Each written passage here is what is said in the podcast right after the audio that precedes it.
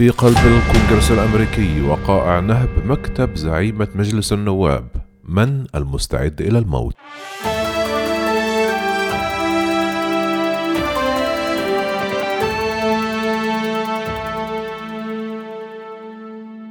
اجتاح الغوغاء ومثير الشغب من أنصار الرئيس المنتهي ولايته دونالد ترامب مبنى الكابيتال في واشنطن مرارا وتكرارا حاملين معهم أشياء كانوا قد سرقوها من مكاتب النواب والشيوخ في المبنى بعدما اقتحموه بالقوة. من بين المكاتب التي اجتاحوها مكتب رئيسة مجلس النواب نانسي بلوسي وحظي أي شيء سرقوه من المكتب بشعبية بين جمهور الغوغاء خارج المبنى. ظهر أحد الأشخاص ممسقا بقطعة من لوحة خشبية كانت تشير إلى مدخل مكتب بلوسي ويبدو أن شخصا ما انتزعها من أحد الجدران. في وسائل الإعلام انتشرت صورة لأحد المشاغبين يجلس على مكتب بلوسي ويضع رجليه على المكتب عرف فيما بعد بأنه ريتشارد بارنت البالغ من العمر ستون عاما وفي الخارج وقف المشاغب بارنت وهو من جرافيت في ولاية أركنساس وكان قميصه مفتوحا وصدره مكشوفا وراح يفاخر بصوت عال كيف اقتحم مكتب بلوسي.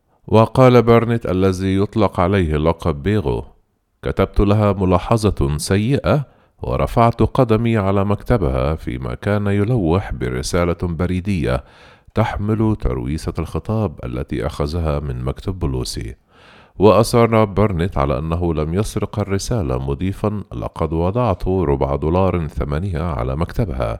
وتابع برنت عندما جاءت الشرطة وأخذت ترش رذاذ الفلفل قلت لهم لقد دفعت ثمن هذا إنه ملكي وغدرت. وكان وجهه منتفخا من جراء تعرضه لرذاذ الفلفل لكنه كان يضحك وهو يستمتع بحكايته لزملائه المتطرفين المؤيدين للرئيس المنتهي ولايته دونالد ترامب. ودعم أقواله بنشر صور له بينما كان في مكتب بلوسي في حسابه على مواقع التواصل الاجتماعي تظهر وهو جالس في مكتبها وقدميه للأعلى تماما كما وصف. غير أنه أصر على أنه كان يطرق الباب لتوه عندما دفعه الحشد داخل المكتب مضيفا أنه يعلم أن أحدا لن يصدق قصته ولكن ربما أخبرهم أن هذا ما حدث طوال الطريق إلى سجن العاصمة. وكان بارنت أكد في منشور على حسابه في موقع فيسبوك أنه مستعد للموت العنيف. والسبت الماضي انتقد بارنت رئيسة مجلس النواب نانسي بيلوسي في منشور على الفيسبوك لاستخدامها وصف القومي الأبيض باعتباره مصطلحا مهينا. وكتب بارنت في صفحته احتفظ بها تحت اسم مستعار.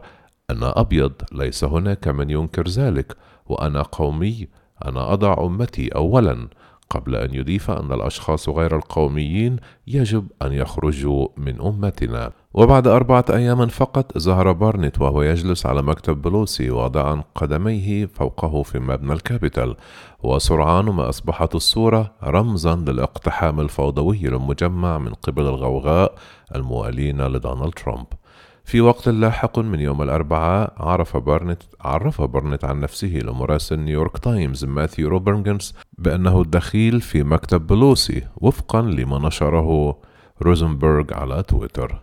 وبارنت من مؤيدي دونالد ترامب ومدافع عن حقوق حمل السلاح وقد شارك مرارا وتكرارا مزاعم كاذبة عبر وسائل التواصل الاجتماعي بأن الانتخابات تعرضت للسرقة وفقا لمراجعة حسابين على فيسبوك مرتبطين ببارنت في أحد المنشورات أكد بارنت كذبا أن هناك تلالا من الأدلة على تزوير الناخبين.